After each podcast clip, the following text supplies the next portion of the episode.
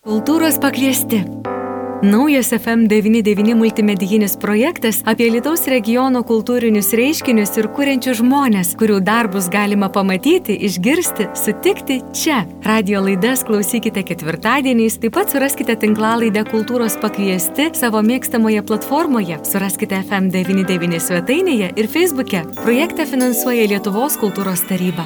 Sveiki, gyvi dar kartą Jums pasakysiu, brangus FM99 klausytojai, studijoje prie mikrofono Eglė ir šiandien aš labai labai džiaugiuosi. Pagaliau studijoje vieši svečias, kurio tikrai ilgai laukiau, Marius Reklaitis. Mariu, labas. Sveiki, sveiki.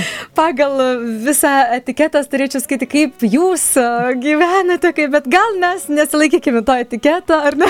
Gerai, galim. Marius yra dirigentas, muzikantas, nežinau, kiek scenų gyvenime tu jau aplankėjai, apie tai pakalbėsime, bet labai malonu malonu yra, kad pats savo žiniomis, savo talentu, visų bagažu, kurį per savo, dar sakyčiau, netokį ilgą gyvenimą, bet labai didelį bagažą sukaupiai, daliniesi Alituje, apskritai Lietuvoje ir konkrečiai Alituje. Tai aš labai džiaugiuosi, kad šiandien vieši mūsų studijoje ir ačiū tau už tai. Dėkui Jums. Mariu, nu tai apie viską iš pradžių. Pats apsilankėjai Lietuvoje šiandieną, bet gyveni juk Didžiojoje Britanijoje, ar ne? Taip, iš tikrųjų gyvenu Didžiojoje Britanijoje, jau, man atrodo, skaičiuojami dešimti metai, mm. kaip gyvenu Anglijoje. Laikas iš tikrųjų labai greitai bėga. Po mokyklos nusprendžiau studijuoti muziką, nors tikrai nenorėjau. Aš puikiai atsimenu savo žodžius, savo fortepijono mokytoją Nadėždai Liberis, kurie sakė, kad niekada gyvenime nestudijuosiu muzikos, niekada nebūsiu mokytoju dabar žiūriu, dešimt metų praėjau, esu muzikos mokytojas. tai taip, mm, įdomiai susijęjo galai. Taip, iš tikrųjų, aš ir kuomet skaičiau straipsnį, kur, kur žurnalistė tave kalbino, tai ir ten ir parašyta, kad tu kaip buvai mažytis, sakai, gyvenime niekada, o dabar, kaip ir minėjęs, ir muzikos mokytojas, ir dirbi su labai įvairiais žmonėmis, ir diriguoji orkestrams, kur yra tikrai didelė garbė, patiems profesionaliausiams dirigentams atsistoti, paimti batutą ir atsistoti prieš orkestrą ir diriguoti, tai vis dėlto tas niekada nesakyk ne yra teisingas tavo gyvenime, ar ne? Labai niekada teisingas. Niekada nesakyk ne. Iš tikrųjų, nu, tikrai nesigailiu, nu, jau dabar kai pagalvoju apie praeitį, tikrai nesigailiu, kad pasirinkau muziką, nes iš tikrųjų tai buvo tai, ko mano širdis troško. O kodėl tada sakei ne? Aš turbūt prisimenu tas muzikos pamokas, tos, ta, ta kai reikėdavo namie prie fortepijono valandų valandas sėdėti ir iš tikrųjų atsibosdavo, žinot, kai, kai būdavom jauni vaikai, mes nenorim eiti į ten tas pamokas, mes norim geriau laukia su kamuoliu pažaisti. Bet dabar, žinoma, kai šiek tiek saugi, kai subręsti, į visą tai pažvelgi iš, iš, iš kitos pusės, per, per kitą prizmę, per, per suaugusio žmogaus prizmę. Mhm. Ir tada viskas sus, susirišo galvoje, kad ne, iš tikrųjų pasirinkau tą teisingą karjeros kelią studijuoti muziką, būti dirigentu, dirbti su vaikais, dirbti su neįgaliaisiais e, ir iš tikrųjų labai praturtina toks, toks darbas. Mariu, o kas palaikė tame degime, kad visgi likti, nes atsisakyti labai lengva, ypatingai tėvai, na, kurie augina vaikus, aš iš savo pavyzdžių galiu pasakyti, tikrai labai dvėjoju, jeigu vaikas nori, na tai ar tikrai reikia, ar tikrai, ar pedagogai buvo, ar tėvai, gal paties, nežinau, tėvai, giminė muzikantai. Kas vis dėlto palaikė tą degimą ir, ir palaikė patį toje muzikoje? Iš tikrųjų, manau, kad palaikė visi, tiek tėvai, tiek pedagogai, tiek, tiek mano artimiausi draugai. Tėvai visada labai palankiai žiūrėjo į mano muzikinę karjerą, kai nuėjau nuo pačių mažumų, nuo penkerių metų pradėjau dainuoti ir tapau dainų dainelės laureatas 98 metais ir teko koncertuoti operos ir baletų rūmose. Tai čia tas kelias mano muzikinis nuo tada ir prasidėjo. Tada mano tėtis puikiai pamenu, man nusvedė mane į muzikos mokyklą ir tada taip po truputėlį viskas ir prasidėjo, bet vis ta palaikė. Mano tėtis, atsimenu, man atrodo, jei neklystu, net iki penktos klasės sėdėjo mano kiekvienoje fortepijono pamokoje. Tikrai, o pats ar groja, ar skambina pianinu? Šiek tiek Tėtis. groja, šiek tiek groja, šiek tiek stengiasi, šiek tiek mokinasi, kartais pats prisideda namuose prie fortepijono, pagroja, bet žinoma, mano tėčio karjera yra ne muziko. Ir pačioje giminėje pas mus visi mano pusbroliai, mano brolis, jie visi yra labiau tiksliukai. Ten mhm. fizika, chemija, medicina, informacinės technologijos, o aš tokia, kaip sakant, juoda vis šeimoje nusprendžiau ne tik studijuoti muziką, bet ir užsienyje. Ir užsienyje. Tai kaip atsitiko, Marijau, kad vis dėlto iš Lietuvos į Didžiąją Britaniją ir dešimt metų jau skaičiuoji būtent ten, kitoj šaly? Taip, iš tikrųjų, aš atsimenu, 11 klasėje aš iš tikrųjų sakiau, studijuos politologiją arba gamtos mokslus, mane tai iš tikrųjų labai traukė, e, bet e, jei neklystu, gal 2008 metais kartu su savo choru iš Marijampolės, choru su Valkėje, mes važiavome į tarptautinį konkursą festivalį Vienoje ir teko apsilankyti labai neįprastame muzikos muziejuje kuriame kažkuriam ten aukšte tu gali atsistoti ant tokio podiumo ir didžiulis ekranas, didžius kaip turbūt jūsų studija ir tu gali diriguoti vienos filharmonijos orkestrui pasiemęs batutą, tu ten musikuoji rankom, pasirinkai kūrinį ir orkestras, kaip sakant, kompiuterinė grafikos pagalba reaguoja į tavo judesius. Wow. Ir aš puikiai atsimenu Rasdetskio maršą Štrauso pasiemiau ir kadangi mano kai mano visi pažįstami sako, mano dirigavimas yra paaišymas gelyčių, tai orkestras kompiuteris to nesuprato ir mane nušvilpė. Ir tada supratau, aš tikrai norėčiau studijuoti dirigavimą. Ir kai tai nusprendžiau, aš pakalbėjau su savo geriausia draugė Jėva. Ir Jėva sako, kodėl tu nestoji į Junktinę karalystę? Na, aš dar taip spyrėjausi, spyrėjausi, bet, kaip sakant, Jėva užlažė man ranką ir sako, važiuoja į Angliją. Lietuvoje čia nieko nebus. Sakau, ir žinoma, aš buvau vidutinis, toks studentas mokykloje, egzaminų pačių geriausių rezultatų irgi neturėjau, tai viskas per viduriuką. Žinoma, muzikos rytį buvo daug pasiekta jau nuo vaikystės, e, tiek kultūros centre, tiek savanoris buvau, festivaliai, konkursai, ten iš tikrųjų buvo labai labai daug. Ir jeigu ne mano geriausia draugė ir ne mano tėvų palaikymas, aš į Angliją turbūt ir nebūčiau nuvažiavęs. Tai iki šios dienos ir, ir po dešimt metų aš esu tiek tėvam, tiek jėvai, tiek visiems draugams, kurie palaikė, esu labai labai dėkingas. Ar didelis skirtumas, Marijau, muzikinio to gyvenimo Didžiojo Britanijoje ir Lietuvoje, žmonių, būtent e, studijavai, dabar dirbi ir pedagoginį darbą dirbi. Ar didelis atotrukis, sakykime, tarp Lietuvos, nes Lietuvoje tu irgi diriguoji, kai atvyksti, ar ne? Šiek tiek vėliau apie tai pakalbėsim. Kaip tu matai, toli dar mūsų šaliai žingsniuoti reikės? Nu, manau, kad mums dar šiek tiek šiokio tokio kelio dar yra kultūriniam gyvenime. E, bet manau, po truputį, po truputį su jaunais žmonėmis mes prisivėjame vakarų Europą, tą vakarietišką kultūrinį gyvenimą. Tiesiog reikia, sakykime, mūsų, vadinkime, politikų tokio palankesnio požiūrio į jauną žmogų. Nes visada pakankamai jaunus žmonės, į jaunus kūrenčius žmonės žiūrima atsainiai. Ir dažniausiai turi kažką pasiekti užsienyje, tapti žvaigždė Anglijoje, Vokietijoje, visam pasaulyje ir tada tik Lietuvoje tave pripažins. Man atrodo, čia mūsų didžiausia problema, kokią mes turime Lietuvos kultūros e, pasaulyje sistemoje, kad e, tas atsainumas. Bet, kaip sakiau, mes jau judame teisingą linkmę, kod vis daugiau jaunų žmonių sugrįžta į Lietuvą, jaunų kuriančių žmonių, e, taip pat ir su mūsų projektais, kuriuos mes planuojame atlikti ateityje, e, sakant, gražinsime tą kultūrinę skolą Lietuvai, mūsų, mūsų kraštui, Marijampoliai ir bandysime atvežti nuostabių muzikantų, nuostabios profesionaliosios muzikos į, į mažasias Lietuvos ir didžiasias Lietuvos scenas. Mhm. Mariu, ar aš galėčiau klausti, pačiam juk dar nėra 30 metų, tu siminėjai apie tai, kad tas politikų žvilgsnis į jauną kuriantį žmogų, o aš ir norėjau klausti, sakykime, atsistoja jaunas toks dirigentas, paima batutą, o orkestras profesionalų jau gal gal ir garbaus amžiaus žmonių, žinai, ir jie vis tiek paklūsta tam žmogui, kuris turi batutą rankoje, ar ne? Iš tikrųjų, ta batuta tikrai suteikia daug galios tos uh, dirigentui, bet dirigentas turi, kai atsistoja ant, ant dirigento podimo, turi sudėti mm -hmm. tą vadinamąją skrybelę. Aš esu dirigentas ir dabar viskas į mane žiūrima ir manęs klausoma tokia vos ne hierarchinė tokia pozicija, bet iš tikrųjų taip nėra. E, viskas yra bendro, mhm. bendros komunikacijos taip. dalykas su orkestru.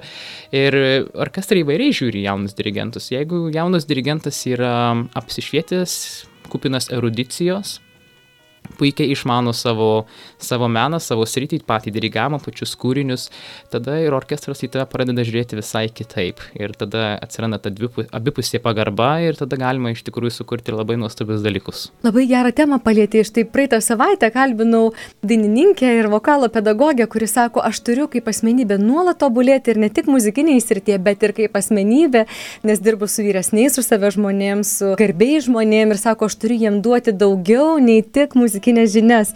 Ir štai užsiminėjai apie tai, kad net didžiausi orkestrai, jeigu, jeigu ir jaunas žmogus, bet jis yra, na, eruditas ar ne, jis yra išprusęs ir tai kalba nėra tik apie muzikinius dalykus, ar ne? Kas be ko, iš tikrųjų, kai kalbam apie dirigavimą, visi, visi yra susidarę tokį įspūdį, kad ateina dirigentas ant scenos, įsitraukia lasdelį burtų ir, ir pradeda musikuoti rankom ir orkestras į tave net nežiūri. Iš tikrųjų, tai čia yra tik tais toks finalinis produktas, kurį auditorija mato, visa kita vyksta repeticijų metu, kuomet dirigentas išanalizavęs kiekvieną natelę, apsiskaitęs apie kompozitorių ir ap, apie jo kūrybinį procesą, sakykime, ten reikia net skaitytis apie Antiką, Aristotelį, Sokratą, kad iš tikrųjų suprastum pačio kompozitoriaus idėjinį kelią, kaip jisai sukūrė tą kūrinį, iš tikrųjų daug reikia skaityti, reikia daug mokintis, daug analizuoti, bet vis, dirigavimas yra ne tik, sakykime, mokėjimas skaityti natų, turi turėti ir turėti mokėti bendrauti su žmonėmis, turi mokėti perteikti tą energiją, būti komunikabilus.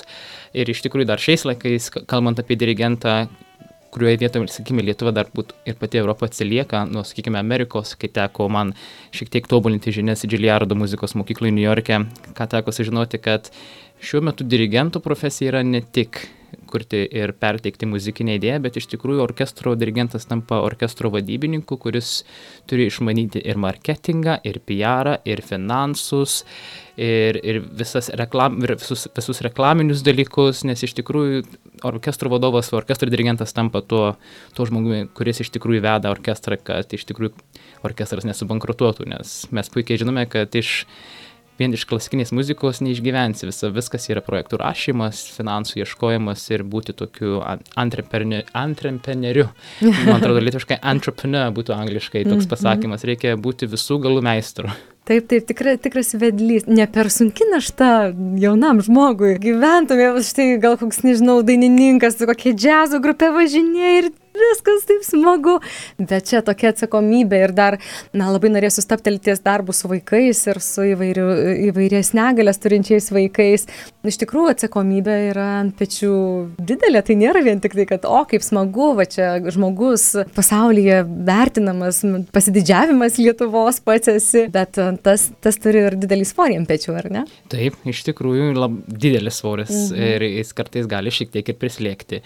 E, kartais gali ir neigiamos emocijos užpulti mm -hmm. per, per, per daug darbo, bet iš tikrųjų ta, tas, tos pačios muzikos kūrimas ir kaip, kaip minėjai, darbas su vaikais, kaip papildomas mano darbas, darbas su negaliai žmonėmis, matant, kokią muzikos galę galim, gali, kaip muzikos galia gali pakeisti žmonių gyvenimus, tai iš tikrųjų užpildo širdį, visas stresas nuplaukia, viską pamiršti ir vos vieną valandą repeticija su, su, su choru ar su vaikais mokykloje, kai pamatai, kad kažkas kažkuriam vaikui tavo pamoka kažką davė, tada grįžti su didžiausia šypsena veidė ir supranti, kad padarai kažką gero.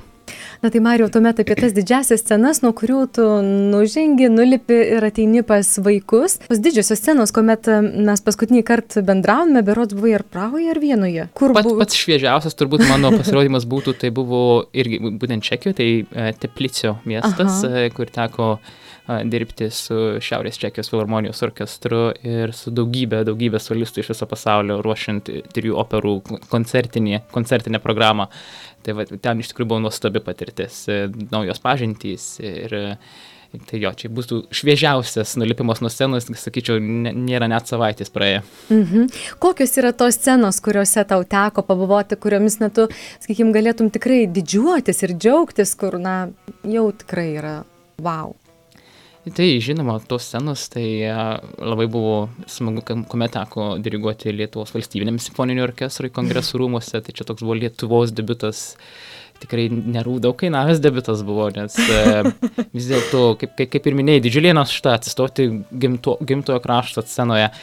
O kalbant apie kitas scenas, tai man es, yra tekę pačiam ir nediriguoti, bet te, teko dalyvauti vienam projekte į Anglijos Royal Albert Hall tam tai didžioji koncertų salė, kur vyksta BBC Proms. E, taip pat e, pas mus, mano asmeninė miestelė yra pati didžiausia, viena didžiausių Anglijos katedrų, Canterbury katedra, kurioje sugroti su orkestru irgi yra neapsakoma didžiulė mhm. garbė ir nuostabus jausmas, kuomet sugrojo akordus orkestru, o po 7 sekundžių ataidi garsas iš kitos pusės.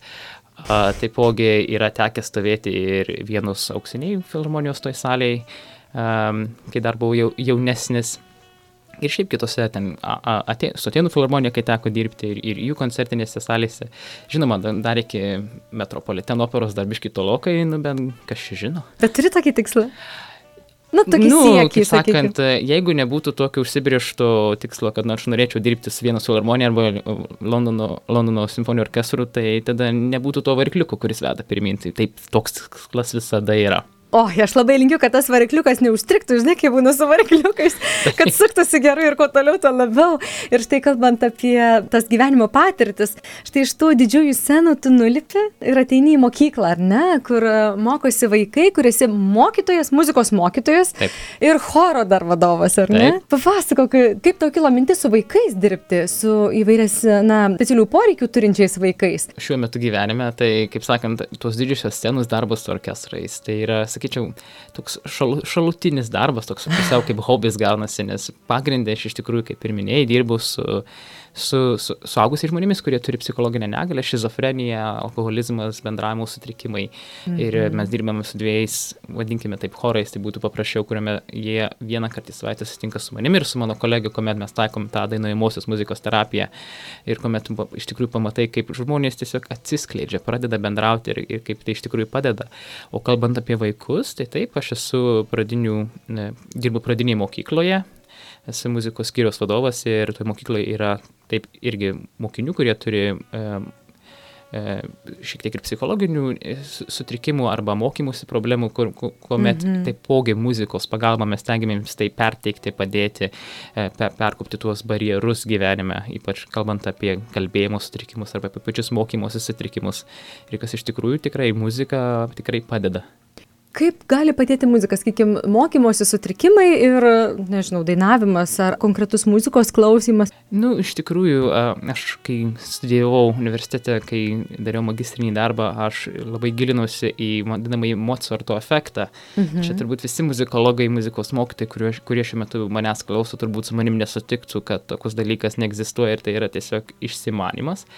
Bet iš tikrųjų, tas vadinamasis Mozarto efektas, kuomet dirbama ir klausomasi klasikinės muzikos, būtent tam tikrų e, Mozarto kūrinių, jie iš tikrųjų šiek tiek padidina susikoncentravimą, vai, vai, kuomet dirbi su vaikais ir jiems yra lengviau atlikti tam tikras užduotis. Ir e, kaip pavyzdį aš galiu pasakyti, man e, būtent pandemijos laikotarpiu man teko mokykloje dirbti, visą dieną teko dirbti su vaikais, kurie turi mokymosi problemų sutrikimų. Ir vienoje klasėje mes turėjom vieną vaiką, kuris mokykloje yra, tu, nu, angelas, klauso, dirba, bet kuomet grįžta namo, namai apsiverčia 180 laipsnių ir lubos atsiranda ant žemės. Ir, ir tą dieną, tuo metu irgi tas vaikas buvo mano klasėje ir mes visą dieną dirbdami ties matematiką, ties literatūrą, ties geografiją, bet kokios užduoties metu visada fonė skambėjo Mozarto muzika. Atrodo, nieko čia neįprasto, klasikinė muzika, at, taip pat atpalaiduoja vaikus, jie, jie klausosi muzikos, dirba matematiką, literatūrą ir tada diena kaip ir baigėsi. Ir sekančią dieną aš gaunu laišką iš to vaiko mamos. Ir jinai manęs klausė, sako, Mario, ką tu jam padarėjai? Aš taip, ką jūs turite omeny? Sako, vaikas grįžo namo ir sako, kaip, kaip visiškai kitas vaikas. Klauso, ramus, daro namų darbus ir namuose buvo tiesiog totali ramybė. Sako, ką tu jam padarėjai?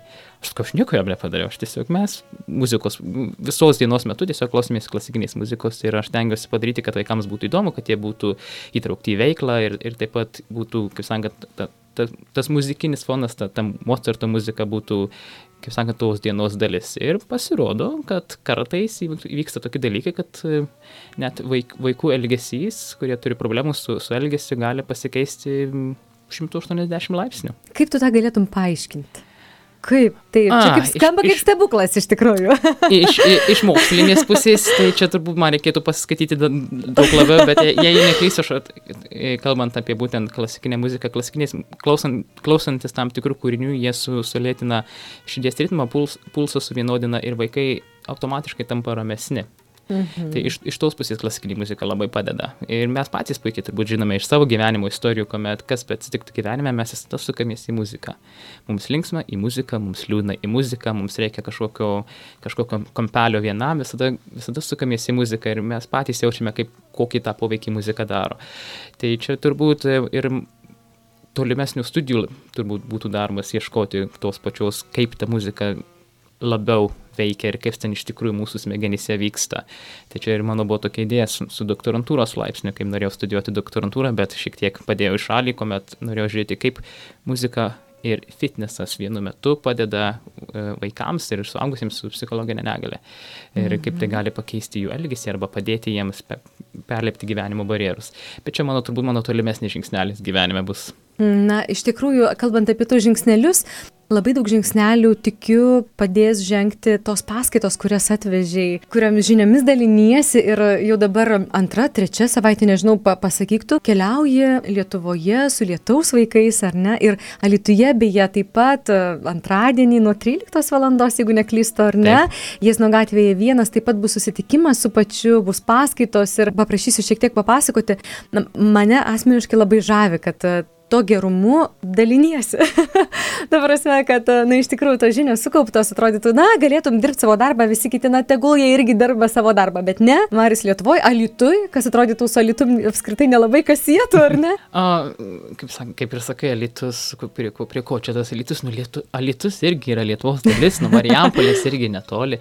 Tai ir iš tikrųjų, kadangi, kadangi viskas prasidėjo nuo mūsų pokalbio, kad, mm -hmm. kuomet tu pakvietėjai į šią radio laidą ir tada viskas iš, išsirutuliojo, kad būtų galima ir pravesti paskaitą uh, patiems alitoms pedagogams, dienų centrų mokytojams uh, apie meta, metodologiją ir kaip aš realiai dirbu su vaikais, šiek tiek galbūt kitokiu kampu aš dirbu su vaikais. Nes mes dažnai muzikos pamoką matome kaip solfedžiavimą, mokymosi muzikos istorijos, ten diktantų rašymą, pavadinkime kabutėse labai nuobodžią muziką. E, mano muzikos pamokos yra šiek tiek kitokios, kurios aš noriu ir supažinti ir mūsų pedagogus, kad galima iš tikrųjų muzikos pamokas turėti daug įdomesnės, kuomet, sakykime, naudojami labai neįprasti muzikiniai instrumentai, kitokie pedagoginiai e, e, mokymo būdai, kaip išmokinti vaikus skaityti muziką, arba kaip mokyti ritmą per sportą, per krepšinį, arba kaip galima pritaikyti fiziką, aiškinant, kaip veikia muzikinės vibracijos, kaip, kaip, kaip galima iš tikrųjų net padaryti muzikinį instrumentą iš bananų naudojant elektros energiją, arba, sakykime, kaip galima pasigaminti muzikinius instrumentus naudojant tik tais balioną ir, ir gumytes ir panašiai, iš tikrųjų, kas iš tikrųjų vaikams šiomis dienomis yra daug įdomiau, jie tada, jie su mielu noru eina į muzikos pamoką. Ir tuomet, kadangi, kuomet tu turi tas įdomesnės muzikos pamokas įtraukęs į savo uh, grafikus mokykloje ir tada jas sujungi su iš tikrųjų ta, tai, ką vaikai turi išmokti, e, ten muzikos istorija, muzikos teorija, tada iš tikrųjų vaikams tai daug greičiau užstringa galvoje. Jie iš tikrųjų tada mhm. daug greičiau išmoksta, kuomet yra labiau aktyvus, viskas per įtiminius dalykus, per vizualinius, per, vizu, per vizualu, vizuališkumą, mhm. kuomet įtraukia viską. Nes iš tikrųjų mes gyvename 21 amžiuje ir vaikams reikia iš tikrųjų daug daugiau, negu kai mes buvome jauni vaikai. Kai dabar palygini save, kai buvai muzikos mokyklos mokinys ir kaip mokytojas dabar esi kitiems mokiniams, jeigu būtum tas vaikas dabar šiuose pamokose tau būtų kita situacija, kai tau buvo kelias noras mesti ir kad tu niekada gyvenime nesiesi muzikos, jeigu būtų buvę tokios pamokos, kaip dabar pats vedi? Labai sudėtingas dalykas, o čia sunkus klausimas. Um, sunku pasakyti, e, galbūt tie tie sviravimai yra labai natūrus dalykas, kaip ir mhm. mūsų visose gyvenimuose kartais kažką pradedi ir, ir atsibausta ir nori mesti, bet jeigu yra kažkoks tas varikliukas, kažkoks įdomus dalykas, kuris tave iš tikrųjų labai užkabino, mhm. tai galbūt ir tos sviravimų būtų ir mažiau. Tai aš labai tikiuosi, kad aš tą, tą savo vaikams ir perdodu mokykloje, kad manau sudominti juos tą muziką, kad jie pradėtų mokintis muzikos instrumentais ir, ir net ir bydamas individualiai su savo studentais, kuomet turiu fortepijono pamokas, visada stengiuosi kažkaip vis, juos vis sudominti.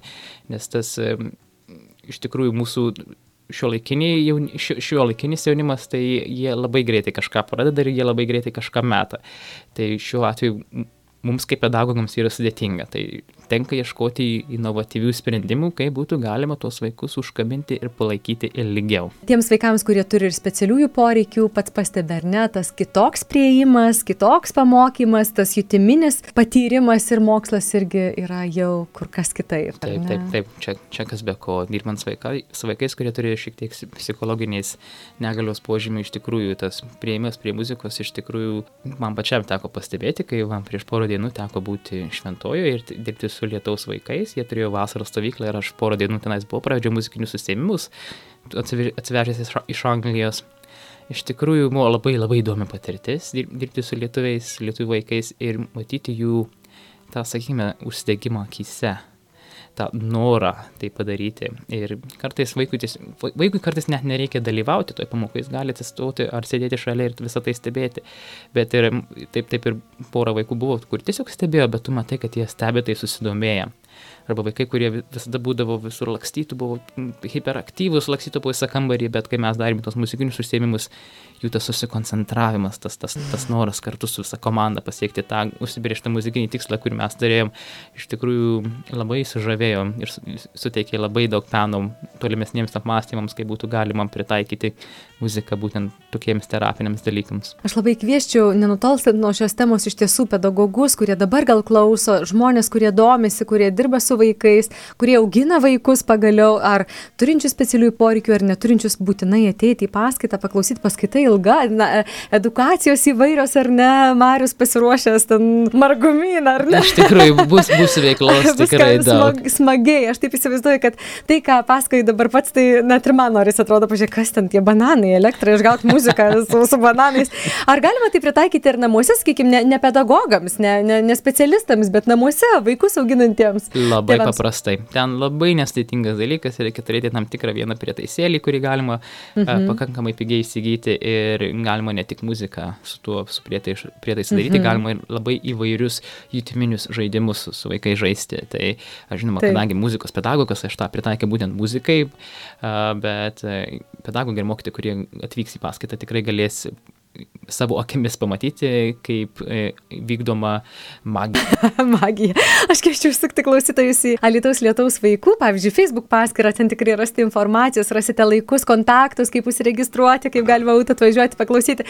Mariu, dar grįžtant prie paties, tiek daug apie muzikos magiją m, šiandien pasakojai, o pačiam muzika, kaip pats įvertintum muziką tavo gyvenime? Kiek, kas ji, kiek ji? Man muzika gyvenime yra viskas, iš tikrųjų. Čia rimtai, ar ne? Iš tikrųjų, iš tikrųjų, pabandyk užmėgęs muziką. Kokia? Pas mane šiuo metu grojaraštyje, neklystu, yra Carmen labai skamba, nes tai buvo vienas iš paskutinių kūrinių, su kuriuo teko dirbti Čekijoje, tai mm -hmm. jeigu man kūrinį, koks nors kūrinys užstringa galvoje, tai iš grojaraščio neišės kokius du mėnesius. Bet su pačia muzika iš tikrųjų, nes žinoma, aš dirbu su vaikais, ten muzika, su chorais, ten muzika, bet aš, žinoma, esu labai e, fitneso entuziastas, pakankamai didelis, kur labai iš tikrųjų padeda atsipalaiduoti. Bet net ir sporto klube iš tikrųjų, kai eini kilnoti svarmenis, ten keli 70 kg ir klausai Bethoveno penktos simfonijos. Vis tiek klasikinė Iš tikrųjų, mane net ir sporto klube, iš tikrųjų klasikinė muzika skamba, kuomet aš ir sportuoju. Ar galima pamatyti, Mariu, nežinau, naktinėme klube, kur ten elektro, ten techno, dance, nežinau kas ten ir kad Mariui patiktų tokia muzika. Įmanoma ar vis dėlto ne? Viskas yra įmanoma, žinoma, kas, kas be ko. Naktinis gyvenimas eiti į naktinius klubus yra tekę prieš daug metų, aš jau net pasijaučiau šiek tiek pagyvenęs šiuo kaip paminėjai.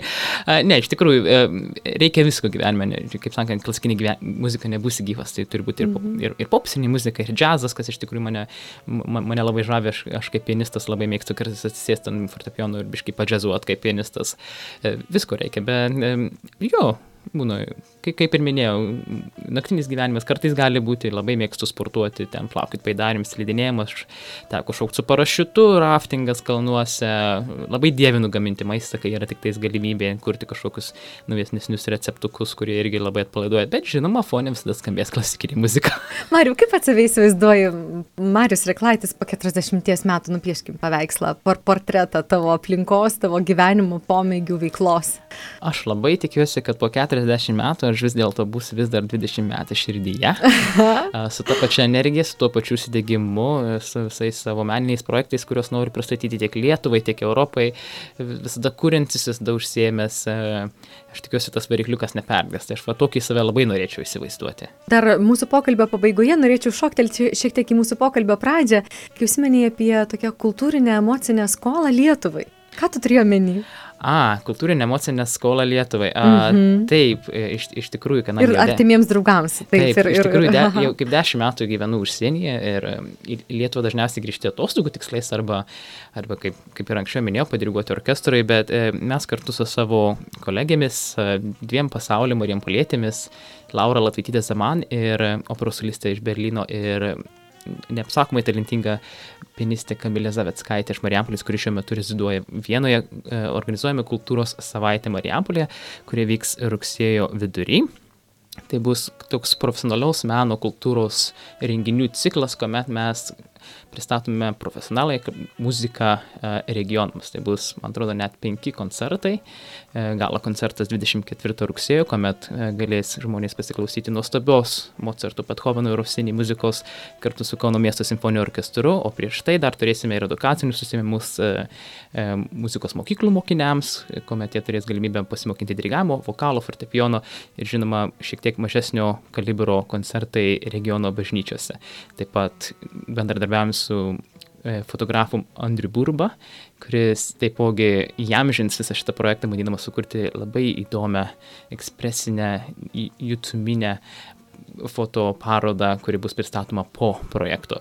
Tai čia mūsų tokia, kaip sakant, kultūrinės skolos gražinimo pradžia, nes mes iš tikrųjų mes tuo apsistoti nenorime. Mes norime ir toliau kurti ir gražinti tuos pasaulio, marijampoliečius pasaulio kultūrinės žvaigždės į Lietuvą ir bandyti stabdyti tą vadinamį protų nutekėjimą, kad iš tikrųjų Lietuvoje, mes norime parodyti, kad Lietuvoje galima kurti, yra galimybės, yra palaikymas ir mes su savo šitu projektu, su savo šitu inauguraciniu projektu norime tai parodyti. Ir visai nebūtina gyventi šią akimirką čia, kad galėtum duoti Lietuvai ar ne tai, ką nori duoti. Būtent, iš tikrųjų, mhm. iš tikrųjų gyvenimas užsienyje dar iš tikrųjų net ir padeda, mhm. nes kaip aš esu savo filharmonijos vadovas Junktinė karalystė ir Laura ir, ir, ir Kamilė savo šalyse, tai iš tikrųjų padeda net pritraukti, sakykime, to ir finansinės pagalbos būtent projektams mhm. Lietuvoje, kadangi tu turi patirties dirbant su tokiais dalykais, tu gali ir finansiškai paremti mūsų Lietuvos kultūrą tokiu, tokiu mažesniu būdu.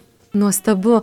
Mario, mūsų laikas taip tirpsta, kad man tiesiog labai gaila, bet jau turiu užduoti paskutinį klausimą šiandieną. Ir jis yra tradicinis e, radijos svečiams, kurie vieši čia pas mus radijos studijoje. Marius Riklaitis gal galėtų paveikti sakinį man patinka. O, man patinka, man patinka gyventi muzikoje, man patinka kurti, man patinka būti, man patinka būti mokytoju, man patinka būti mokytoju, kuris atiduoda savo žinias žmonėms, ne tik vaikams, bet visiems. Tau labai labai dėkoju, linkiu sėkmės. Dėkui, ačiū tau. Ir labai linkiu plačiai atidavinėti kultūrinę skolą Lietuvai.